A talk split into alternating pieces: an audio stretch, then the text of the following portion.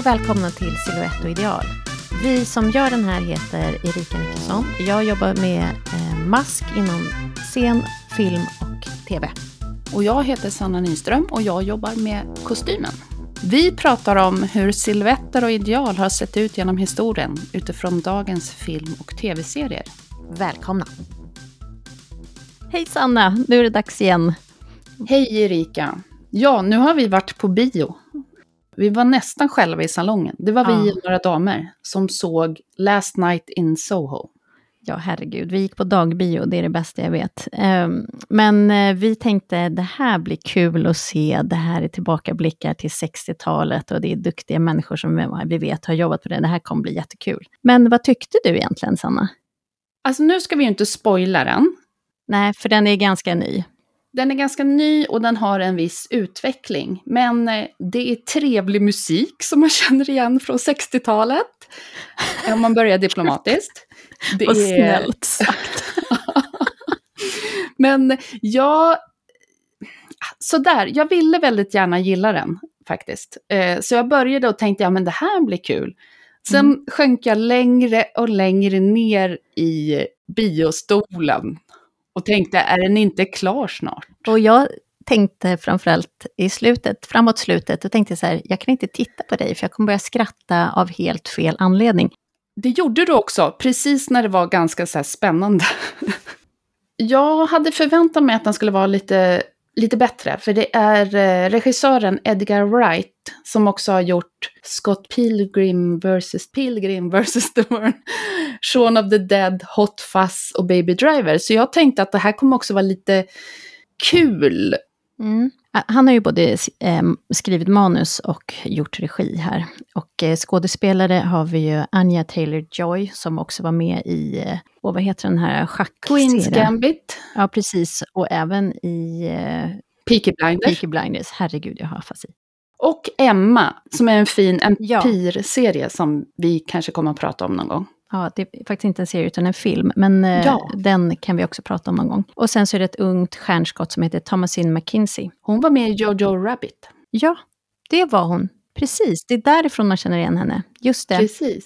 Eh, och de är jättefina båda två. Fina skådespelare.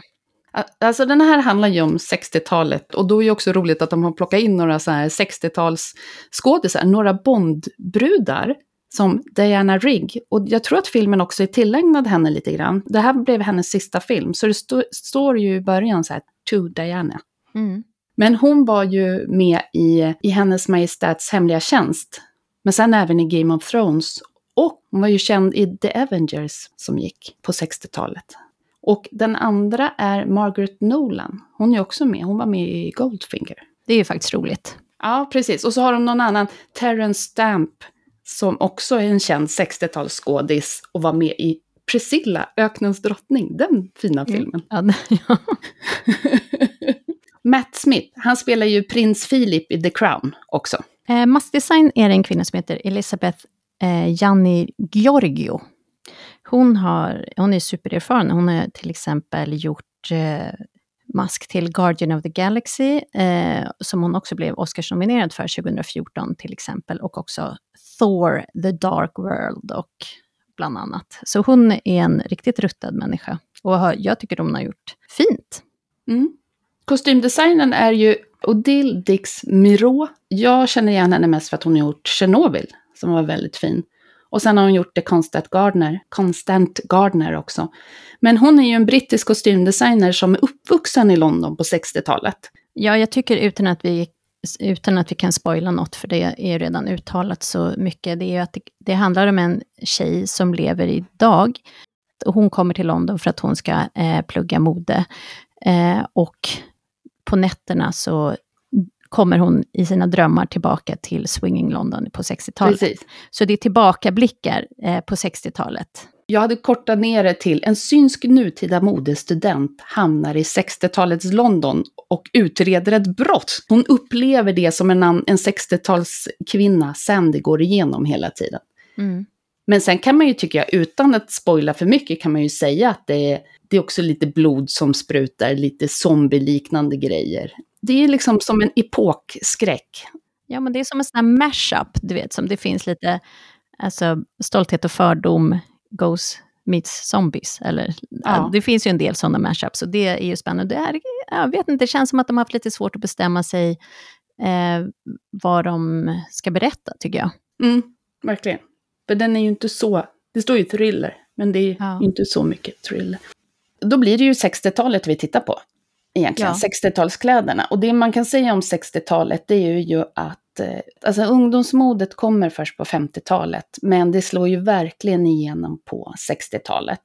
Innan har man ju som uh, unga människor ofta klätt sig som sina föräldrar. Men här börjar man ha en egen stil.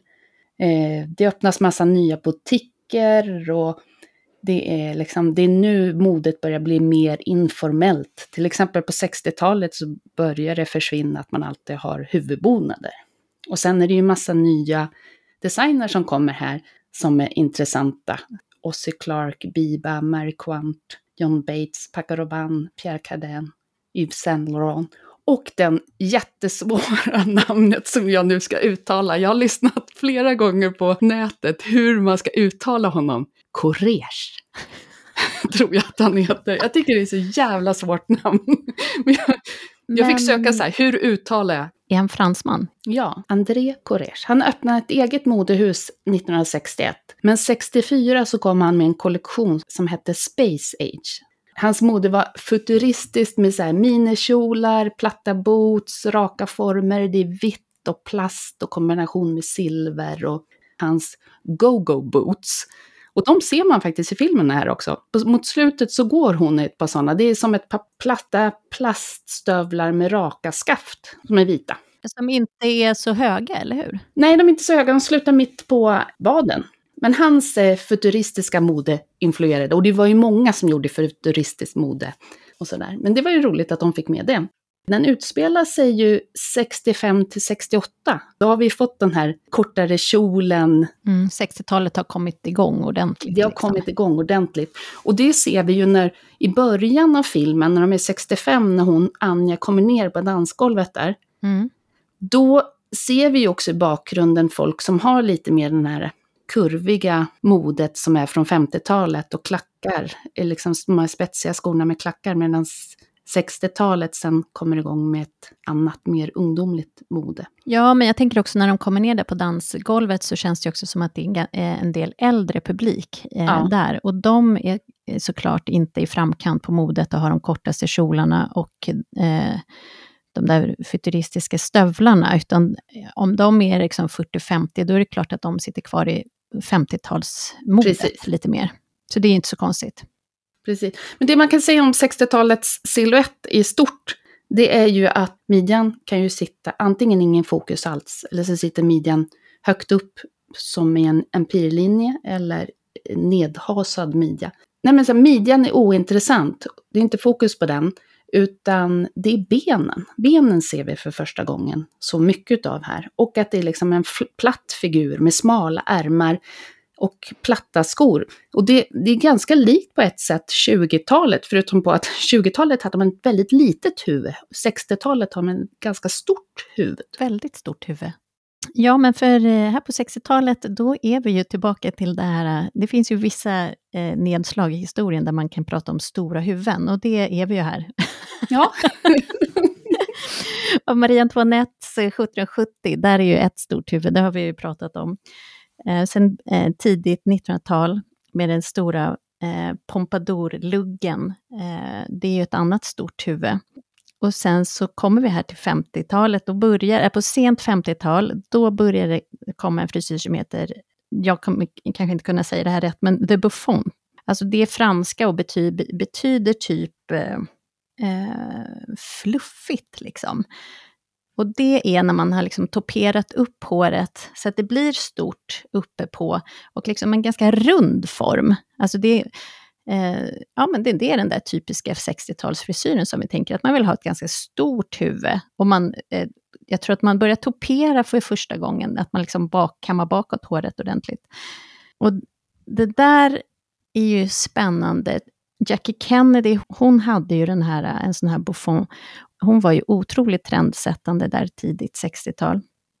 Mm, och henne ser man ju också den här raka siluetten liksom på Ja. också. Att det, det är en A-linje pratar man ju om. Men då är frisyren i den här The Buffon.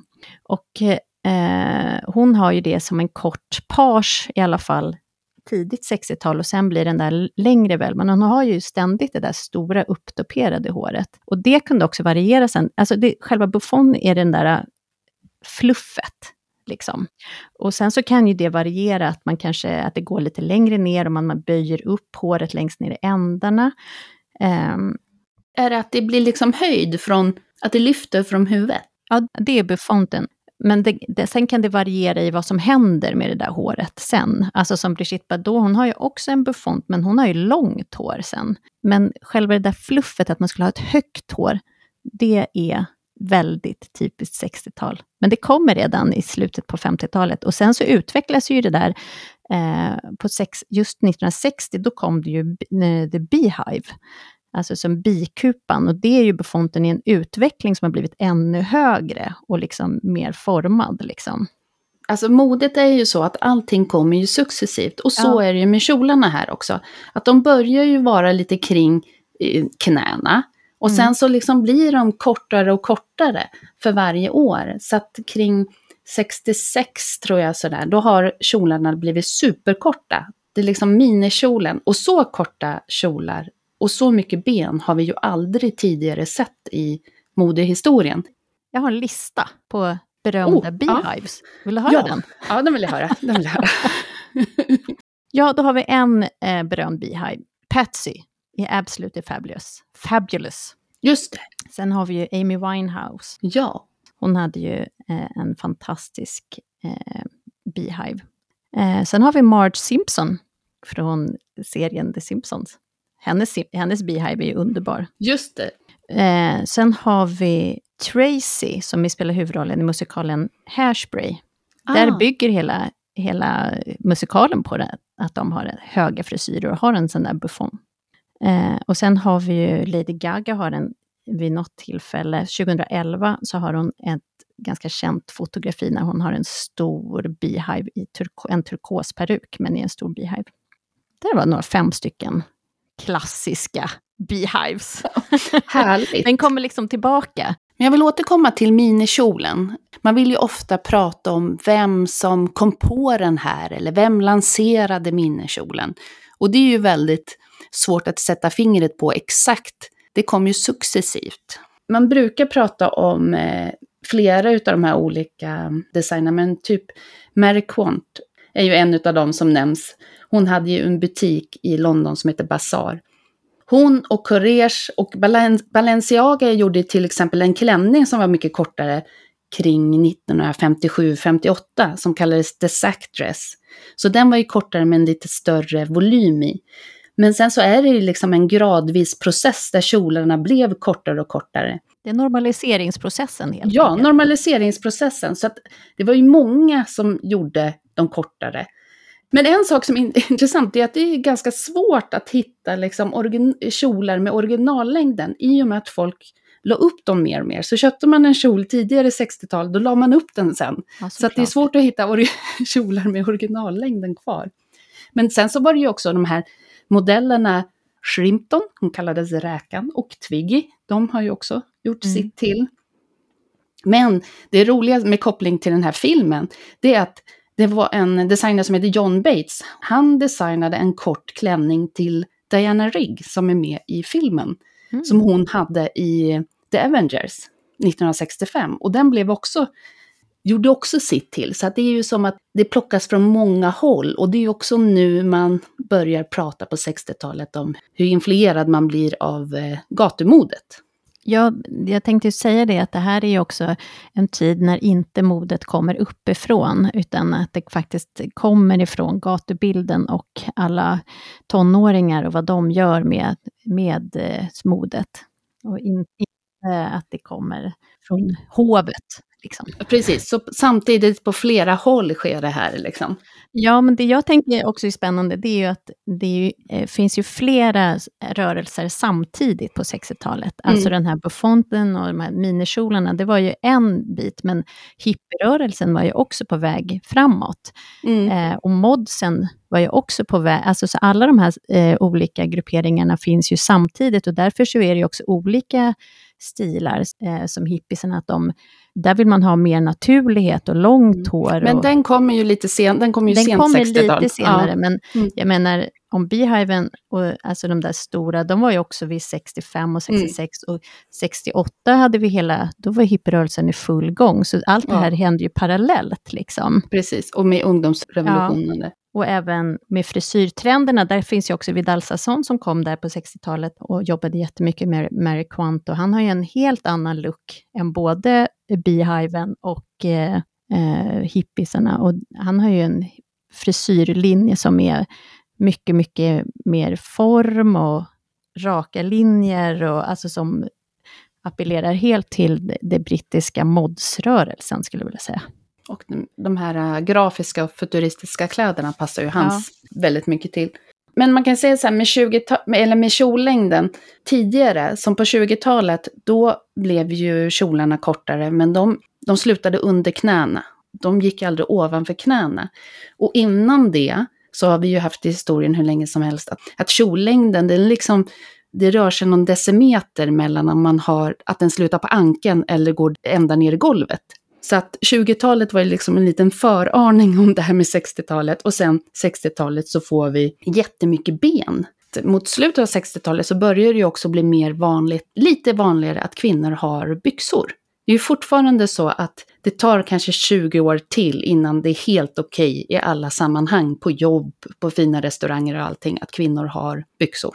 Alltså, men inte ett 20 år efter 60-talet. Ja, 20 år efter 60-talet. Precis. Men på 80-talet menar du? Fortfarande på 70-talet Ja. så var det på vissa restauranger och på vissa jobb var det inte okej att du hade byxor. Utan det var fortfarande att kvinnorna skulle ha kjol. Gud, det känns ju jättesent. Ja, det är jättesent. Så att eh, byxorna kommer, det kommer ju, finns ju lite byxor innan hela tiden, och byxorna, men de börjar bli lite vanligare på 60-talet i och med Mm. ungdomsmodet. Och sen så kommer ju 70-talet med jeansen och allting sånt där. Men helt liksom, På alla fält. ja på alla fält, som idag. Ja. Idag är det ju inget konstigt överhuvudtaget med, det blir ju inte fel med byxor någonstans, förutom på Nobelfesten då. Ja, okej, så det är inte okej riktigt överallt. Det är inte riktigt okej. Nej, Nej. men man gillade ju de här korta kjolarna och eh, det var ju jätte, flera designers som hade korta kjolar. Men så försökte Dior, gjorde en kollektion med lite längre kjolar igen. Ja. Då uppstod en liten protestgrupp av kvinnor som kallade sig British Society for the Protection of the Miniskirts. Som stod utanför Diors hus med plakat. Don't betray the miniskirt, support the miniskirt, miniskirts forever. Man tänker att man eh, antingen så väljer man att protestera eller så bara väljer man att fortsätta man har den där minikjolen. Men jag tar upp det för jag har sett de där bilderna på kvinnor i korta kjolar som demonstrerar med plakat. Så jag var tvungen att kolla upp vad är det här för något. Men det var ju flera som inte gillade. Coco Chanel till exempel, hon tyckte att minikjolen var förskräcklig. Och då har hon ändå lanserat den kortare kjolen på 20-talet. Ja, men jag tänker att det måste ju också ha varit ganska kontroversiellt när de, eftersom de bara blev kortare och kortare. Liksom, att man Mm. tyckte till slut att, det blev, att man hade gått över någon slags gräns. Ja, för det har ju alltid varit, kjollängden har ju varit prat om liksom sedlighet och anständighet och sådär. Och sen har det ju varit, till exempel slutet på 1800-talet, då pratade man ju om, när det var mycket tuberkulos, då var det jättemycket prat om kjollängden, för då gick det ner i backen, att kvinnorna drog in liksom damm och smuts och bakterier från gatan, och det var därför de smittade hela sin eh, familj. Så om kvinnorna hade haft minikjolen på 1880-talet så hade det varit mindre tuberkulos. Ja. Slutsats. Enligt, vissa läkare. Det är ju som den här äh, teorin som är oerhört lös. Och jag vet inte om man kan säga att det är en myt eller teori. Det här med att eh, ekonomin följer kjollängden. Ja, Och då brukar man ju säga att kjolarna är korta när det är högkonjunktur, alltså när det är bra tider. Och kjolarna är långa när det är lågkonjunktur, när det är dåliga tider. stämmer det då? Nej, det stämmer inte.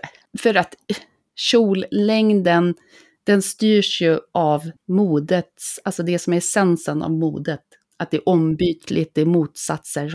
Ja, och jag tänker allt det här rymdfixerande fixerade modet, det var ju också för att man hade det här rymdkapplöpningen. Och ja, månlandningen i slutet på 60-talet. Ja, och man uppfann alla de där nya materialen, alla syntetmaterialen, som blev kalla när det är kallt och varma när det är varmt. Jättepraktiskt. Alltså någonting som är typiskt där i 60-talet, det är ju den där A-linjen och den hänger ju från axlarna, så det är ju noll fokus på byst eller på midja överhuvudtaget här. Jag tänker att det också sitter ihop med att eh, det är ett ungdomsmode. För att eh, just den siluetten är, alltså, är det ju större chans att man har eh, när man är runt 17-18 år än när man är runt 50, mm. säger jag med egen erfarenhet. Den här A-linjen passar ju bra när man är lite gängligare, som de flesta är mer i 17-årsåldern. Ja, och det förklarar ju också varför de modellerna som kom då, Twiggy och Shrimpton, att de var så himla tongivande. Ja, ja, absolut. Och fick så, in, kunde influera så himla mycket. Ja. Men en annan sak som drev på det här med att de korta kjolarna blev så himla populära, det var ju också att strumpbyxan kom. Nylonstrumporna, de kommer ju på 40-talet. Och sen hela nylonstrumpbyxor, de kommer ju i slutet på 50-talet. Men de här riktiga strumpbyxorna, eller de kallades också kalasbyxor, alltså sådana i bomull som inte är lika genomskinliga och inte sådär tunna. De kom i slutet på 60-talet, kring 67. Det är ju en kombo av att spandexen kom, textilindustrin utvecklades, men också att det fanns ett behov där i och med att man hade så himla korta kjolar. För att tidigare, då hade man gördlar, eller en gördel med eh, strumpor där man satte fast strumporna i strumpeband för att de skulle hålla sig uppe.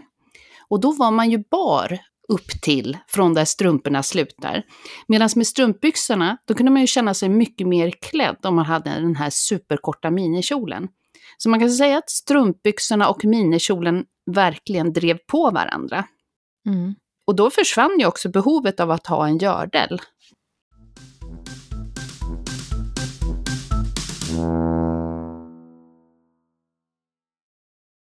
För maskeradscenen som är i nutid, det kan ju vara något som är besvärligt om man ska klä jättemånga i maskeradkläder. Men då hade de gjort eh, en tävling där statister fick sända in vad de hade tänkt ta på sig och så delade regissören ut ett pris för bäst klädda. Jaha. Och så hade de fixat den. Gud, det ska vi ta efter någon gång när vi ska ha maskerad. Ja, precis. Det var en smart del. Ja. Men jag såg en eh, intervju med den här äh, Elisabeth Janna Giorgio som har gjort maskdesignen om hur de har tänkt och vad de, har, vad de hade för olika saker som de funderade på när de skulle göra de här karaktärerna. De är ju väldigt inspirerade av eh, hela 60-talsscenen med Mary Quant och Biba och Brigitte Bardots, Brigitte Bardots frisyr och Twiggys smink och sådär. Mycket lösfransar och eyeliner på framförallt Anya Taylor-Joy som är liksom huvudrollen i 60-talet. Men den andra tjejen, Thomasine McKinsey, den rollen som hon spelar, hon eh, blir väldigt inspirerad av den här 60-talsflickan och vill också se ut som hon, så att hon går till frisören och försöker få hennes frisyr och sådär. Och då pratade hon just om hur mycket de hade provat för att de två skulle liksom få en liknande look, medan de två skådespelarna ser ju helt olika ut. Och det där är ju ganska intressant, för även om jag sätter på exakt samma frisering, jag gör exakt samma sminkning på två stycken olika skådespelare, så blir det ju två helt olika karaktärer. Mm. Så då hade de liksom, ja men hur de jobbade för att också försöka få det att se ut som att Anya Taylor-Joy, jag kommer inte ihåg vad hette hennes karaktär? Sandy. Sandy hette hon, mm. och vad hette den andras? E- Eloise, men hon kallade sig själv Ellie. Ja, precis. Sandy skulle då, hennes eh, frisyr och det, det skulle kännas på riktigt 60-tal. Eh, Medan Eloise karaktär skulle kännas som en 2021 års tjej som försöker att se ut som eh, 60-tal. Så då hade de använt olika verktyg och locktänger och sånt där och liksom olika smink för att det skulle, man liksom skulle känna att det ändå var samma form, men i olika tider. Och det tycker jag att de ändå mm. lyckades bra med faktiskt. Att man Absolut. såg, det var ju väldigt inspirerat, men att, ändå, att de ändå var i olika tider faktiskt. Och också hur de hade hållit på med den här, att hon skulle vara blond, det stod i manus. Eh, men då hade de provat jättemånga olika blonda, för att det är också väldigt mycket färg i ljuset i filmen. Det är mycket ja, neonljus och mycket blinkande ljus i olika rött och grönt och sådär, just för att de befinner sig i Soho och det regnar och allt sånt där. Så de hade provat jättemånga olika blonda nyanser för att det liksom skulle vara snyggt i alla de här ljusen, för att annars är det lätt att alltså en viss guldblond kanske slår över i och blir grå eller något sånt där i fel ljus. Så det hade de hållit på mycket med. Men det tycker jag blev fint till slut i alla det fall. Blev fint. Det var ju samma sak i öppningsscenen för Sandy.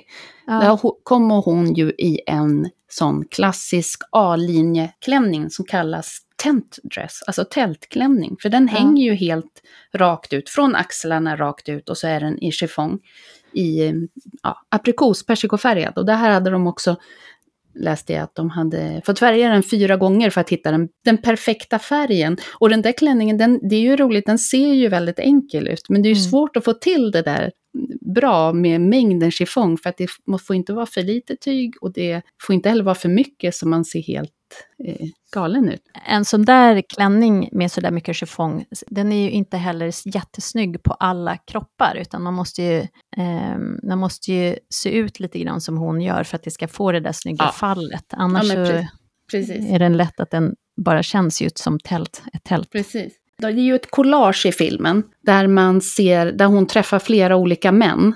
Ja, just det. Och där har ju kostymdesignen sett till att, att klänningarna hon har på sig är väldigt olika det går tid att det är väldigt många olika män. Eh, så att de inte liknar varandra, för det är också lite mörkt. Men hon har till exempel någon där som är eh, virkad och sen eh, mot slutet någon som är i sån här, det klassiska psykedeliska mönster som var poppis på slutet av 60-talet. Men hon har ju en utveckling där också, att när man ser henne i den första klänningen, tältklänningen, så är den mer, lite mer klädd. Så kläderna blir kortare och mer urringade också med tiden. Så det är liksom Sandys utveckling där. Ja, och det kan man ju säga, även i sminket så har de jobbat jättemycket med utvecklingen. Alltså från början så är den här eh, Eloise, då är hon mer som en Audrey Hepburn-person, liksom. Och sen i slutet så är hon eh, mer som ett 90-tals grunge, fast med en väldigt snyggt sminkat, sotat öga, fast det ska vara eh, mest sunkigt. Eh, jag kan tycka att det kanske var lite väl övertydlig resa i sminket där. Men, eh, och även Sandys utveckling ser man ju att hon liksom går från att vara en fräsch ärta till att bli lite sorgligare helt enkelt. Att du säger Audrey Hepburn, det passar ju också bra med den där tidningsklänningen hon har i öppningsscenen också. För den är ju mer liksom ett 50-tals ja, aftonklänning. Jag tänkte att jag skulle prata lite om hårsprayen. För ingen av de här frisyrerna som de har, de här stora fluffiga frisyrerna, de är ju, eh, skulle ju vara möjliga utan hårsprayen.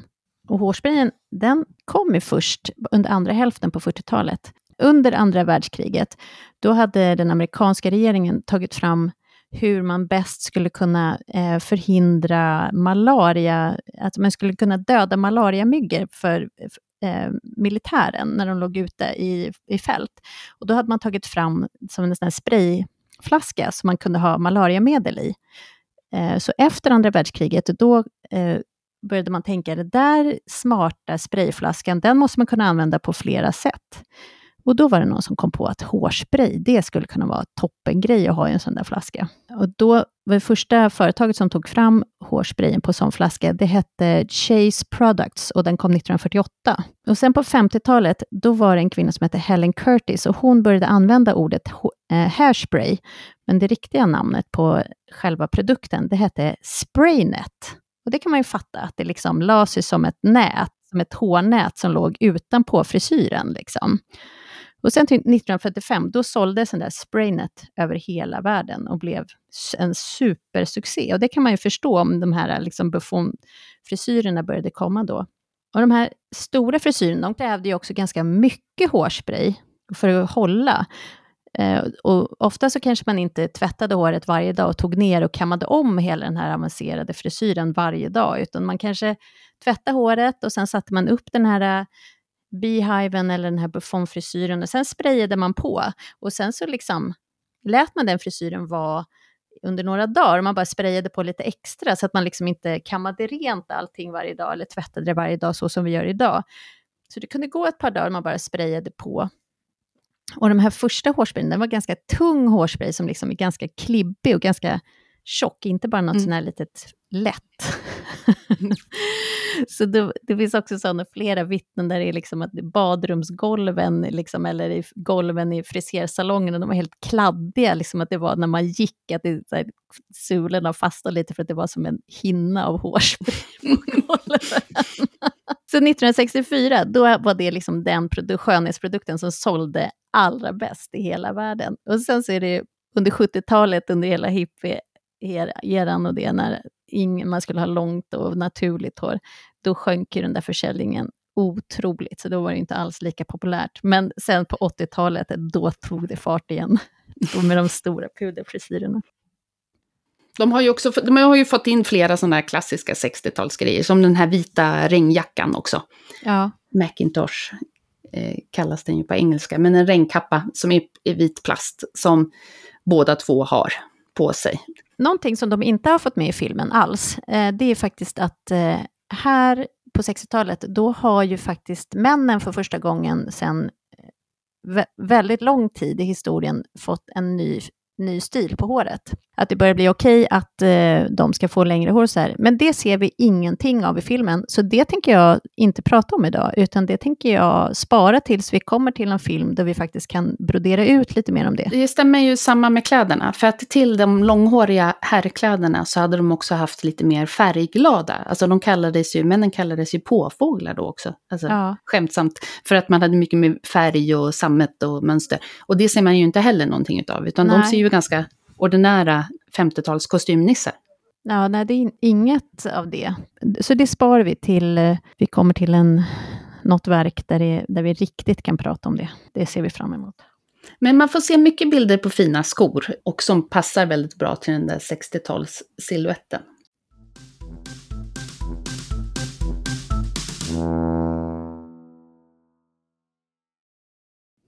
I den här filmen och under 60-talet så blev ju också eyelinern, eller den var ju väldigt framträdande rent sminkmässigt, så den tänkte jag prata lite grann om.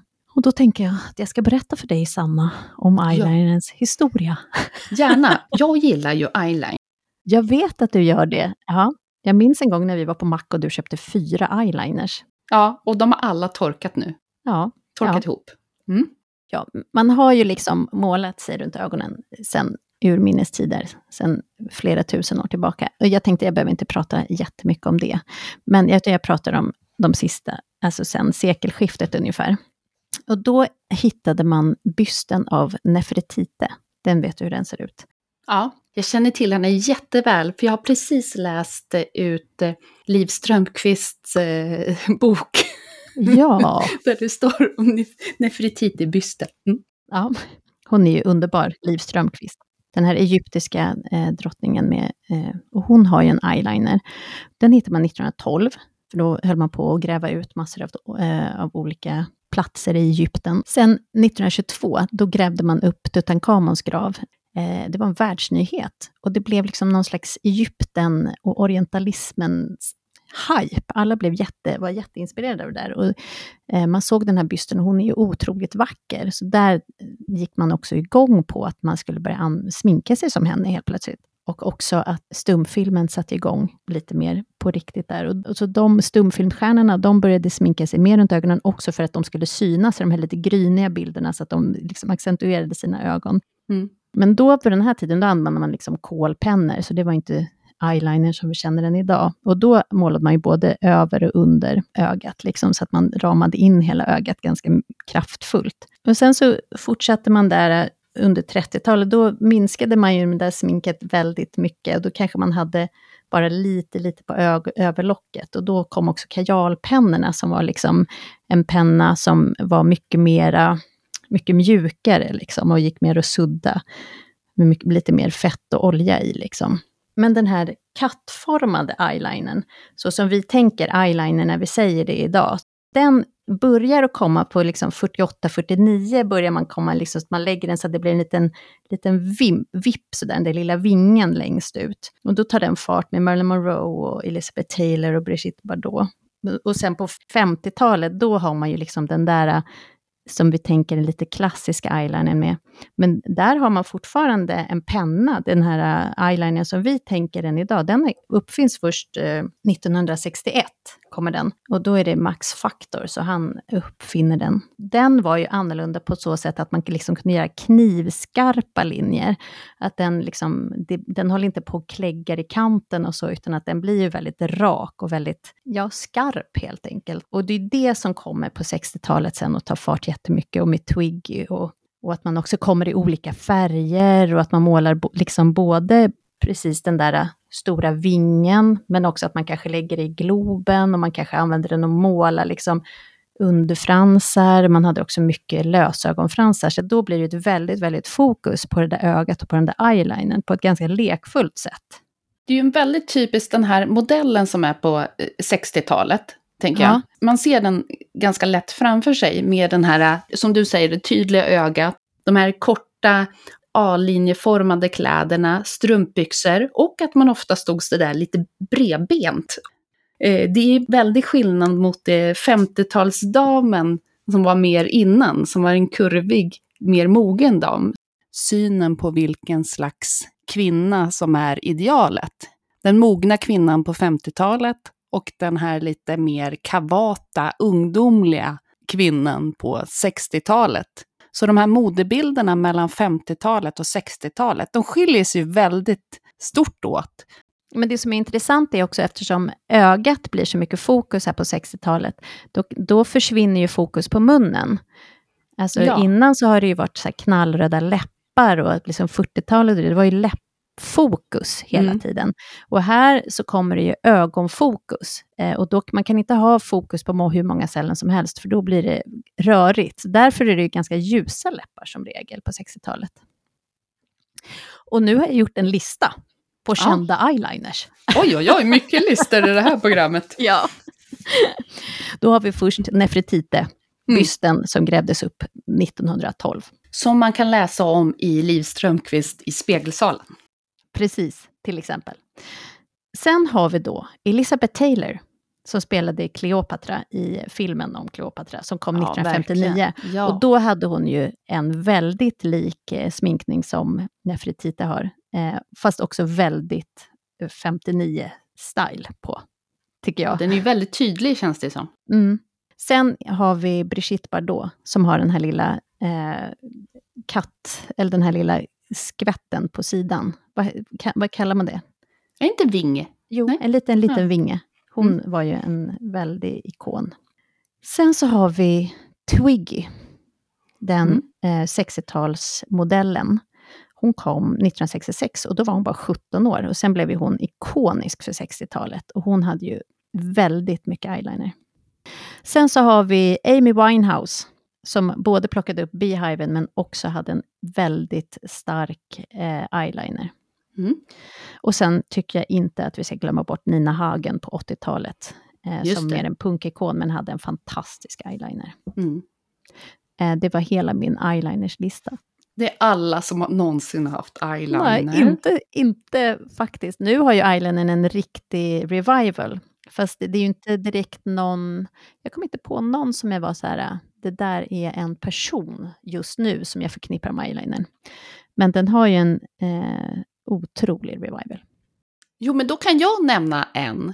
Artisten Cherry som har en... Eh, hon har ju gjort precis en ny eyelinerlinje med Isadora med färgglada eyeliners. Så då har vi en nutida. Ja, Alltså vet du vad, jag känner att jag skulle vilja lägga den här filmen bakom mig och gå vidare. Nej, men vi kan väl säga så här att kostym och maskmässigt så har de gjort fint. Men det håller liksom inte eftersom eh, eh, själva historien är lite spretig och lite svag, om du frågar mig. Men smaken är som baken, olika. Ja, och jag tycker det är tro... Alltså jag, när, jag, när vi tittar på den så tänkte jag hela tiden så här, nej, det här är en ungdomsfilm, den här är inte för mig. Ja, så kanske det är. Fast, Ja, det tänkte jag. Och så vill jag inte vara för neggig och jag ville väldigt gärna gilla den. Men nej, jag tycker inte att den var bra. Men vill man se lite, höra lite fin 60-talsmusik och kostymen, du får en liten, in, verkligen en liten inblick i 60-talet, själva eh, en stil där. Som är liksom tydlig. Det är en ty tydlig stil, vi får se eftersom det går över flera dagar och de byter kläder så får vi se lite olika klassiska stilar. Det, det är ju ett, liksom, det är en rolig tid att det händer så mycket nytt. Ja. Att det är populärkulturen och musiken och ungdomsmodet faktiskt verkligen slår igenom. Men, men eh, jag skulle också vilja säga så här att varje avsnitt vi pratar om så säger vi så här, det här är en tid där det händer väldigt mycket. Här händer det väldigt mycket politiskt och här händer mm. det väldigt mycket. Och så det kanske är så att det gör det hela tiden. Om man börjar grotta lite i de olika tiderna så händer det olika ja, saker. och det är ju som att jag också skulle kunna säga, här börjar kläderna bli lite moderna. För det sa jag på 20-talet också, att kläderna börjar bli lite moderna. Men ja. här så börjar faktiskt kvinnokläderna bli lite moderna. jag tänker att det är en stegvis eh, eh, grej det där att de blir moderna. Alltså det blir ju lite moder alltså de blev ju modernare ja. på 20-talet också än vad de hade varit innan, men allt står ju i relation till vad som har varit innan. Ja, så är det. Och i modet händer ju inte av sig självt, utan det är ju hela tiden en gradvis utveckling. Ja, ja Herregud, med de orden avslutar vi det här programmet. Ja, det gör vi. Men innan vi slutar måste vi ändå säga att ni kan gå in på våran Instagram, Silhouette och Ideal. Och där kan ni se bilder på det som vi har pratat om i programmet och till exempel när det kommer nya avsnitt. Eh, tack för den här gången och vi hörs snart igen. Hej då! Hej då!